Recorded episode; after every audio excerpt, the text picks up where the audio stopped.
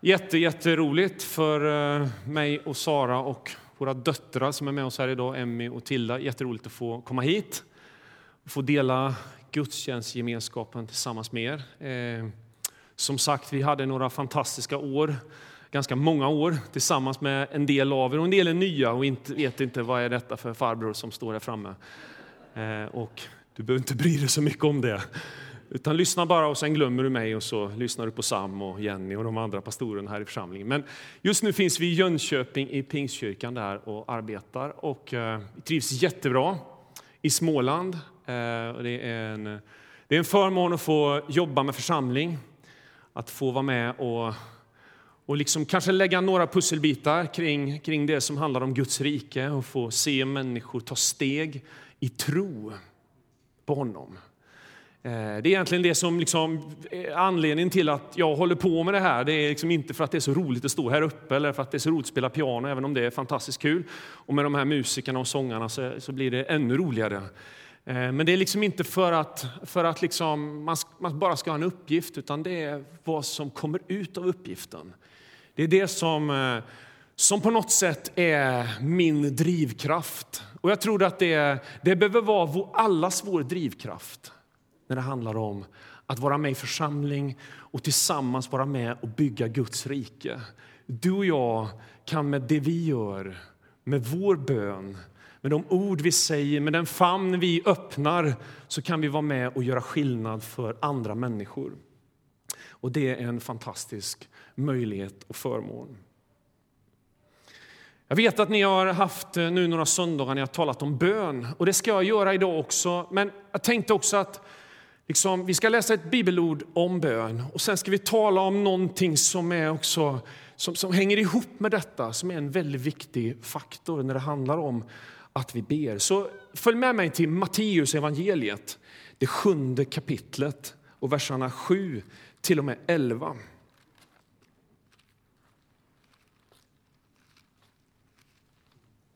Innan folk köpte iPhone så prasslade det väldigt mycket så här när, man liksom, när folk slog upp sina biblar. Nu låter det inte så mycket av när man öppnar appen i telefonen. Jag vill be att de lägger med något sånt där prasselljud. Liksom. Kanske någon innovatör som hakar på den idén. Det är härligt när det prasslar. Matteus kapitel 7, vers 7 till och med 11. Och det är Jesus som säger de här orden i bergspredikan. Och han säger så här, be så ska ni få, sök så ska ni finna, bulta så ska dörren öppnas.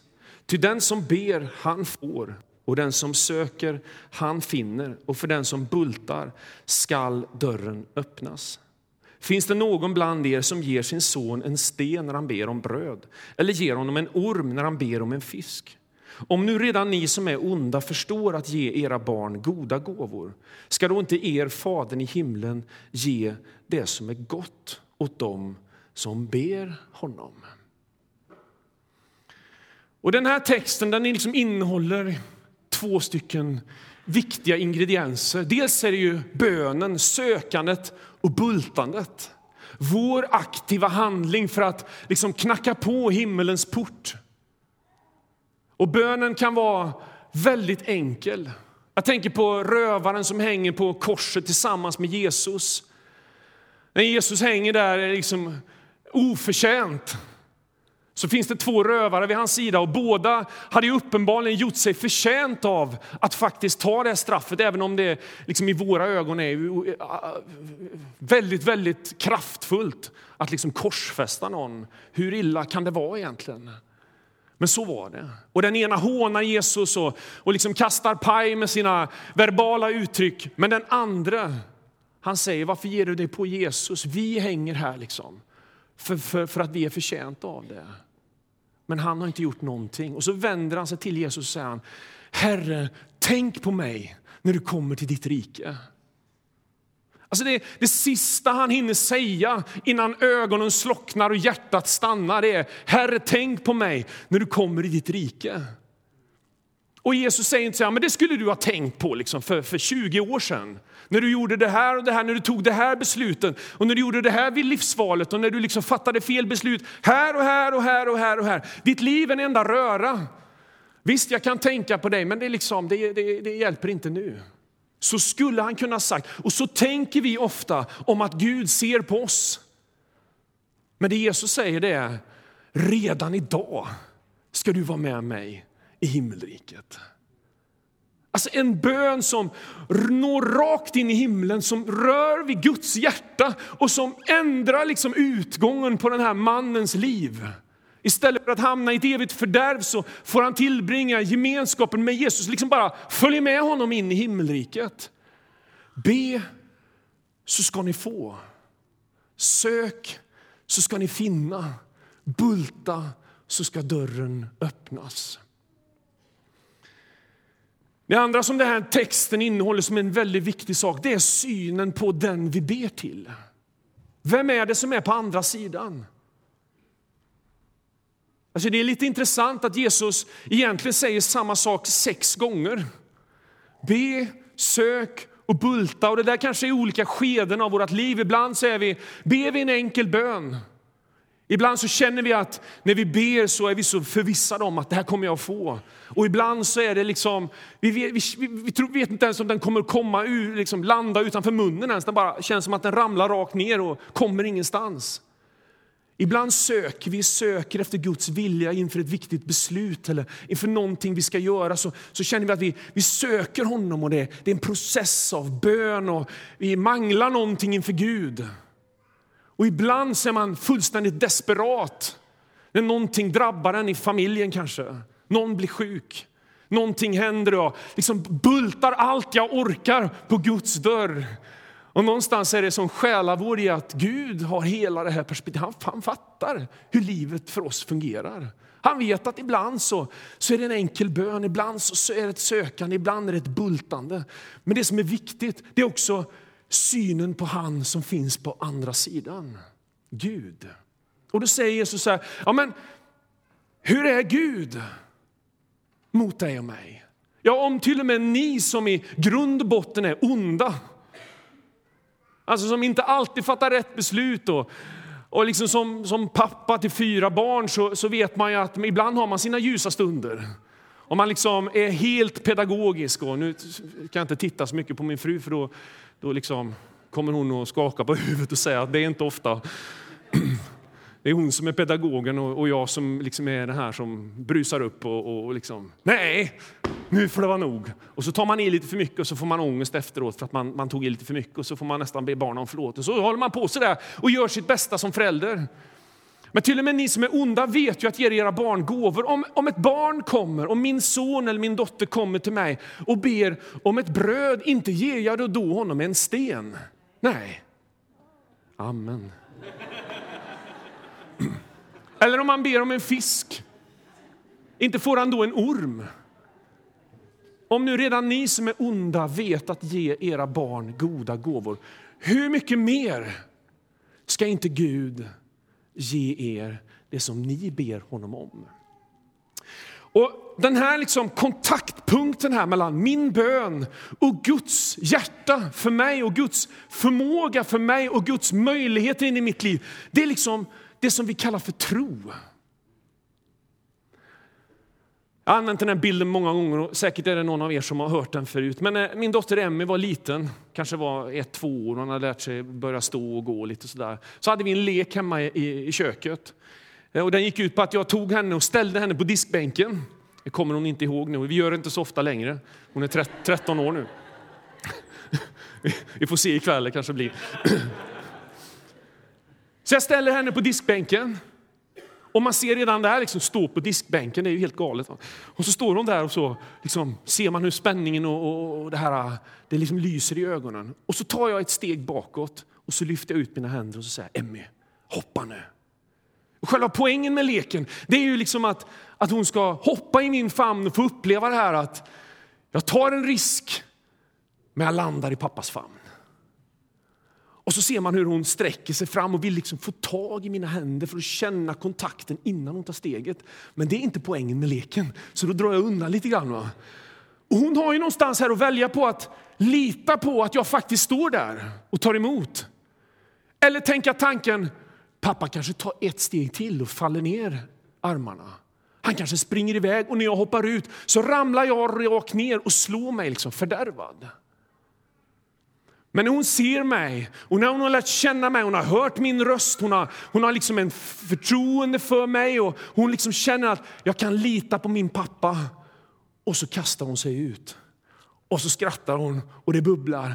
Och så igen, igen och så upp på diskbänken igen. Och jag tänker så här, det där är precis vad den här texten handlar om. Att Gud liksom ställer oss på diskbänken. Eller ibland har vi kravlat upp där själva och ibland kanske det inte är någon eh, fräsch avtorkad diskbänk utan det kanske är sunkigt, det kanske är sprickigt. Det är saker och ting i ditt liv som har gått fullständigt sönder och du står där på någonting bräckligt. Men då vill Gud visa sin godhet. Han vill ställa sig framför dig, räcka ut sina händer. Han vill att du ska se honom. Och Jesus säger så här, den som har sett mig, han har sett Fadern. När vi ser Jesus, när vi läser om honom i Nya testamentet och vi ser hur han möter människor, hur han liksom står på de svaga sida, hur han hela tiden tar parti för den som vars liv har gått sönder på ett eller annat sätt, eller den som är desperat och längtar, så tar Gud alltid parti för den personen. Därför att han vet att i hans händer så finns möjligheterna till förvandling, livsförvandling. Hebreerbrevet säger så här om Jesus. Låt oss ha blicken fäst på Jesus. Han är trons upphovsman och fullkomnare. Så tro är ingenting som, som, jag liksom, som är en stark övertygelse som fyller hela mig. Det kan vara så i vissa lägen. Men tro är framför allt att ta det där steget. Och ibland kan man känna att det är hur läskigt som helst. Ska jag våga lita på han som står där? Ja, ju, ju, djupare du tittar in i hans blick, desto mer du ser av vem han är, desto mer förstår du att han håller vid de löften som han har lovat dig. Romarbrevet 10 och 17 säger så här. Så bygger tron på förkunnelsen och förkunnelsen på Kristi ord. Alltså när jag när jag liksom läser om Jesus och får bilden av honom så förstår jag mer och mer att det här är en Gud som inte ger mig en orm när jag ber om en, en fisk eller en sten när jag ber om en bröd. Utan han ger det som han vet är gott för mig. Det är inte alltid jag i min bön förstår vad som är bäst för mig. Ibland kan jag tänka så här att jag ber så konkret om ett bönesvar på ett område och liksom nästan befaller Gud att så här ska det vara. Och sen i backspegeln när det har gått lite tid så kan man se att jag fick faktiskt bönesvar, men det blev inte exakt så som jag bad. Men det blev kanske till och med bättre. Därför att Gud vet vad som är bäst för oss och det är inte alltid vi vet, till och med när vi formulerar vår bön, vad som är bäst för oss. Den här tron som Jesus liksom väcker hos mig som han, som han, han låter komma i mitt liv som gör att jag vågar ta det där steget ut. Den tron den sätter mig i rörelse. Ibland tänker vi så här, när vi talar om tro och kristen tro, att det handlar om en uppfattning eller en åskådning eller en slags hållning som egentligen inte får så stor betydelse för mig eller för mitt sätt att leva, utan det är någon slags uppfattning om Gud. Och det kan ju vara en bra början. Men den tro som Bibeln talar om och som, som Jesus utmanar oss till, det är en tro som sätter mig i rörelse. Där han säger, Bo-Göran, litar du på mig när jag säger att det är så här det kan bli? Så står jag där vid nissbänken. Det är ju tryggt att stå här liksom. Men det är både roligare och, och det är liksom kanske mer välsignat och det kanske är helt rätt att ta det där steget ut och få hamna i Guds famn och känna att wow, det bär. Jag skulle vilja ta med dig till två stycken, eller en berättelse som egentligen är uppdelad i liksom, eller det, det är två olika personer och den här berättelsen vävs samman ifrån Markus evangeliet, det femte kapitlet. Och tänkte att vi skulle läsa eh, några verser här nu från den 21 versen i Mar Markus evangeliet 5, vers 21. står det så här. När Jesus hade farit tillbaka till andra sidan sjön samlades mycket folk omkring honom. Medan han var där vid sjön kom det dit en synagogsföreståndare vid namn Jairus. Då han såg Jesus kastade han sig för hans fötter och han bad enträget. Min lilla dotter är nära att dö. Kom och lägg dina händer på henne så att hon räddas till livet. Och Jesus gick med honom. Mycket folk följde efter och trängde sig på, in på honom. Och där fanns en kvinna som hade lidit av blödningar i tolv år. Hon hade varit hos många läkare och fått utstå mycket. Det hade kostat henne allt hon ägde, men ingenting hade hjälpt. Snarare hade hon blivit sämre. Hon hade hört vad som berättades om Jesus. Och nu kom hon bakifrån i hopen och rörde vid hans mantel. För hon tänkte att om hon bara fick röra vid hans kläder så skulle hon bli hjälpt. Och genast stannade blodflödet och hon kände i kroppen att hon var botad från sitt onda. När Jesus märkte att det hade gått ut kraft från honom vände han sig om i hopen och frågade, vem rörde vid mina kläder? Lärjungarna sa, du ser väl hur folk tränger sig på och ändå frågar du vem som har rört vid dig? Han såg sig omkring efter henne som hade gjort det.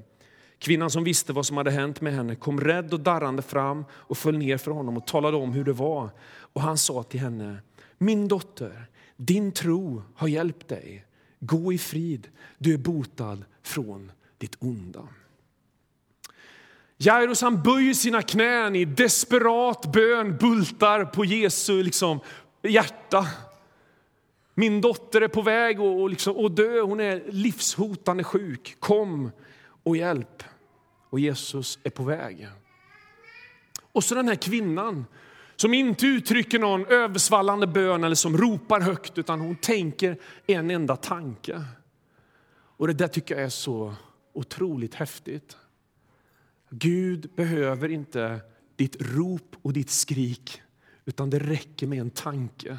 Därför att poängen är inte hur du och jag ber, på vilket sätt vi gör det, utan i vilken riktning vår bön tar oss.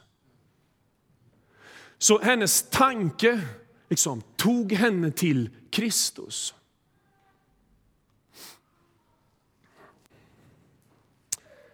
Och den här omgivningen som fanns runt Jesus, det fanns ju ett tryck runt honom. Det fanns en stor förväntan. Det var många människor som, som liksom trängde sig på inför Jesus. Och man kunde ju tänka så här, så jag tänkt ibland att det här skulle varit ett hinder för henne. Alltså att när det var många liksom som var där, att det var svårt för kvinnan att ta sig fram till Jesus. Och det skulle man ju rent liksom så fysiskt kunna tänka, men, men jag tror faktiskt att det var en hjälp för henne. Att det fanns många runt omkring som sökte sig till Kristus. Och att det gemensamma sökandet väckte hennes tanke. Hon hade hört att Jesus kunde hjälpa. Och jag bara tänker så här, ibland så, så, tänker vi så individualistiskt på vår egen tro. Att det liksom handlar mellan, bara om mig och Gud. Och min bön och vad jag gör handlar bara om mig och Gud. Nej, men det är också så att det du gör påverkar hur någon annan ser på Gud. Varför ska vi be tillsammans? Jo, därför att när vi ber tillsammans så hjälper vi också varandra att fästa blicken på han som faktiskt kan skapa en förändring. Varför ska vi liksom sjunga så mycket tillsammans? Jo, när vi sjunger tillsammans om Jesus och sätter vårt fokus på honom så hjälper vi varandra att fästa blicken på han som har möjligheterna i sin hand. Varför ska jag tillhöra en församling? Varför är det viktigt att gå till kyrkan? Ja, det finns ju många anledningar, men en stor anledning det är att där får vi hjälp. Vi hjälper varandra att påminna oss om vem som har möjligheterna i sin hand. Och liksom vår gemensamma längtan och förväntan hjälper människor att börja tänka tanken att Gud kanske kan hjälpa mig. Och så sker undret. Din tro har hjälpt dig. Det var egentligen liksom fanns ju ingenting av någon slags uppblåsthet, utan det var en enkel tanke. Hon smög sig bakifrån, rörde vid hörntofsen på hans mantel. Det var liksom minsta möjliga liksom, eh, eh alltså, offentliga handling. Men hennes tanke var riktad emot Gud. Vi vill läsa vidare i texten. Vers 35. Medan han ännu talade kom det bud till synagogsföreståndaren från hans hem. Din dotter är död. Du ska inte besvära mästaren längre. Men Jesus som hörde deras ord sa till föreståndaren, var inte rädd, tro bara. Sedan lät han ingen mer än Petrus och Jakob och hans bror Johannes följa med. Och de gick hem till föreståndaren. Där såg han upprörda människor som grät och klagade högt och han gick in till dem och sa, varför ropar ni och gråter? Flickan är inte död, hon sover. Då skrattade de åt honom, men han körde ut allesammans och tog med sig flickans far och mor och lärjungarna och gick in där hon låg. Så tog han barnets hand och sa Talita koum, det betyder lilla flicka, jag säger dig stig upp.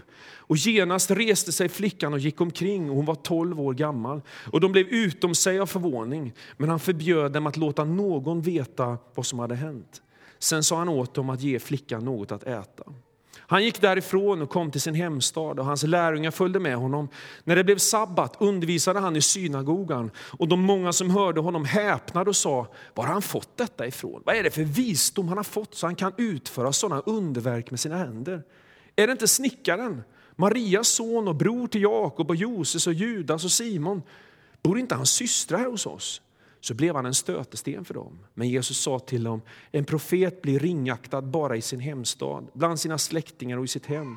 Och han kunde inte göra några underverk där utom att bota några sjuka genom att lägga sina händer på dem. Och han förvånade sig över att de inte ville tro.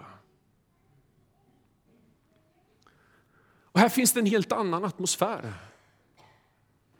Alltså, det är klart att jag har ju viss förståelse för att de skrattar. Jag har viss förståelse, jag har väldigt mycket förståelse för att det som Jesus säger när han säger att hon är inte död, hon sover bara. Han har i sin blick att han ska väcka upp den här tjejen till livet. Men ingen annan kunde se det. Och det är ju liksom vår mänskliga begränsning som gör att vi kan inte se fullt ut vad Gud kan göra. Så jag har full förståelse för det. Men när sen han kommer till Nasaret så finns det en ovilja att tro. Ibland så tänker vi så att vi liksom har svag tro. Men Bibeln talar väldigt lite om det, eller nästan ingenting om svag tro. Utan Bibeln talar om att vi får tro när vi ser Jesus eller att, och att vi agerar utifrån den tro som vi, vi liksom får när vi ser honom. Och sen talar Bibeln om oviljan att tro. Det finns ett annat tillfälle i, i, eh, i Markus 9 där eh, Jesus har varit med några av sina lärjungar uppe på ett berg som kallar det för förklaringsberget och de får möta, liksom, får någon slags andlig upplevelse där. Men nere i dalen så kommer det en, en pappa med sin son som är besatt av en ande och den här anden kastar honom en i elden, en i vattnet och det är liksom, han är förtvivlad över vad som händer med hans son. Och han har bett lärjungarna att de ska be för den här killen. Och de ber och de liksom håller på men ingenting händer. Och när Jesus kommer ner så möter han den här situationen. Och så säger han så här, hur länge ska jag stå ut med er? Men han säger inte som har svag tro, utan han, han säger som inte vill tro. Och så kommer pappan fram till, till honom och så, så berättar han hur det är. Och så, så säger, säger pappan så här. Jag vill tro, hjälp min otro. Och Det här tycker jag är så skönt, för där känner jag att jag befinner mig så många gånger själv. Där jag känner att Gud, jag vågar inte hoppas. Alltså. Det här, är inte, det här är helt omöjligt. Det här liksom går inte ens att få in i min mänskliga tanke att, att det skulle kunna vara så att du faktiskt står här och räcker ut dina händer i den här situationen och det finns någonting att landa i. Jag kan inte tro, men jag vill tro. Hjälp min otro Jag älskar den bönen eller den, den bekännelsen. Herre, jag, jag önskar inget hellre än att jag skulle kunna tro. Och du vet, Jesus han är inte så intresserad av liksom om du och jag känner oss starka eller inte, utan han är bara intresserad av riktningen på vår blick, på vår bön och på våra steg. Och när vi går och när vi ser och när vi ber i riktning mot honom så är han en god Gud som ger sina barn goda gåvor. Det som är bäst för oss. Jag tänker så här att min bön för, för, min, för den där sammanhang där jag finns, en familj som, som jag lever i, för de människor som finns omkring mig, att jag skulle få vara en sån person som, som inte liksom sätter armarna i kors och, och liksom lutar åt att inte vilja tro. Utan att jag är en sån som jag vill tro, hjälp min otro. Att jag är en sån som när människor är med mig så väcks lite grann hopp så ser man liksom en, en längtan som riktar sig mot Gud. Jag önskar att vår kyrka var sån att när människor kommer in i den, öppnar dörrarna, går på gudstjänst eller möter oss kristna liksom i Jönköping, oavsett vilken församling man tillhör, så, så får man hopp. Man märker inte människor som har blivit lite cyniska, lutar sig tillbaka, tagit några steg liksom åt sidan och inte vill tro. Utan att man möter människor som säger, jag vill tro, hjälp min otro.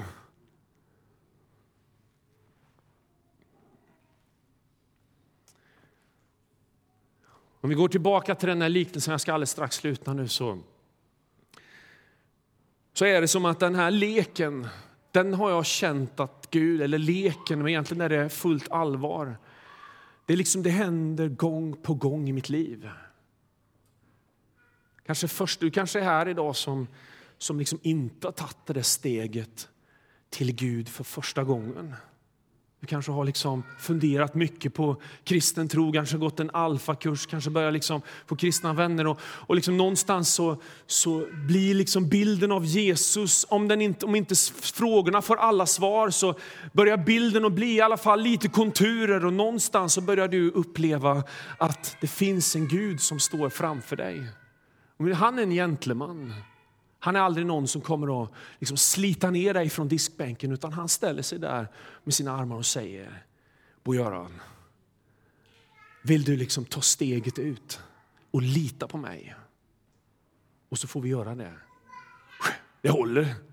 Det där, de där frågorna som inte liksom, vi riktigt kan få svar på, alla perspektiven som är svårt att få ihop. Men när man väl prövar honom och liksom får känna att man landar i hans famn så är det någonting som händer på insidan som är svårt att förklara men underbart att uppleva. Och så märker jag att det dröjer inte länge förrän liksom man hamnar på diskbänken igen. Men då handlar det inte om att jag ska bli frälst en gång till, utan då kanske det handlar om att Gud vill liksom att jag ska våga lita på honom på ett område till i mitt liv. Kanske är det ett beslut jag behöver ta, kanske är det ett vägskäl jag står inför. Kanske är det någonting jag känner mig manad att, att, liksom, att, att, eh, att välja bort i mitt liv. Kanske är det någonting som jag bär med mig som jag vet skadar både mig själv, min omgivning och relationen till Gud.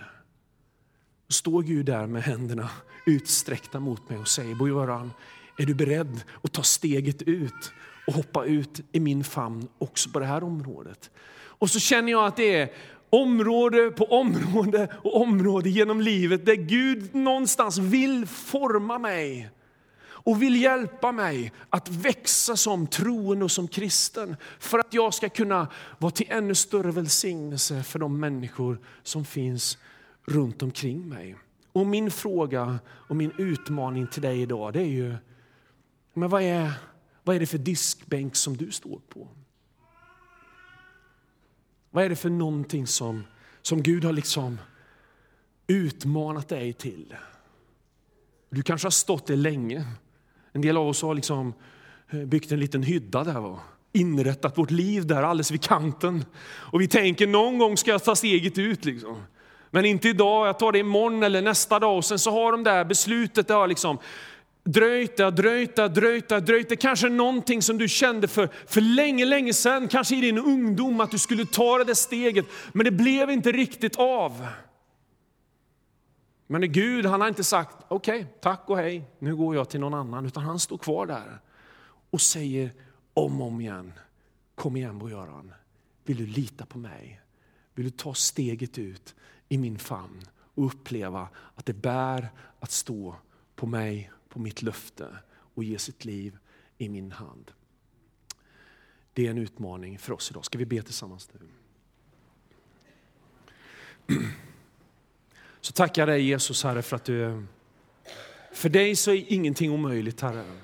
Även om vi med Vår begränsade mänskliga tanke, Herre, har så svårt att se en större dimension, Herre. Men när vi läser om dig, Jesus, och när vi hör om dig så förstår vi, Herre, att det som är omöjligt för människor är möjligt för dig. Och jag tackar dig, Herre, för att du, du Herre, vill eh, liksom, att vi ska kunna lita på dig, Herre. Att du inte bara är någon som går bredvid oss, utan du är någon som går före oss, som vi får följa. Och som många gånger genom livet är också den som bär oss. Tack Herre för att du ser den som är trött idag, Herre, den som har kämpat hårt, den som är sliten av livet, Herre, som bara vill slänga sig i din famn, Herre, och få uppleva att jag inte behöver stå med egna ben, utan jag får vila i din famn, Herre. Du ser den som står inför ett vägskäl och det kanske har varit en tid, Herre, kanske har varit flera tillfällen att faktiskt ta ett beslut, men inte har liksom av olika anledningar gjort det här. Så ber jag dig Gud att du skulle bli så tydlig, Jesus, att det steget skulle våga tas, Herre. Tack Jesus för att du möter med oss var och en på det sätt som du vet att vi behöver. Vi är unika i dina ögon, Herre, och du älskar oss så oerhört. Tack för din kärlek. I Jesu namn. Amen.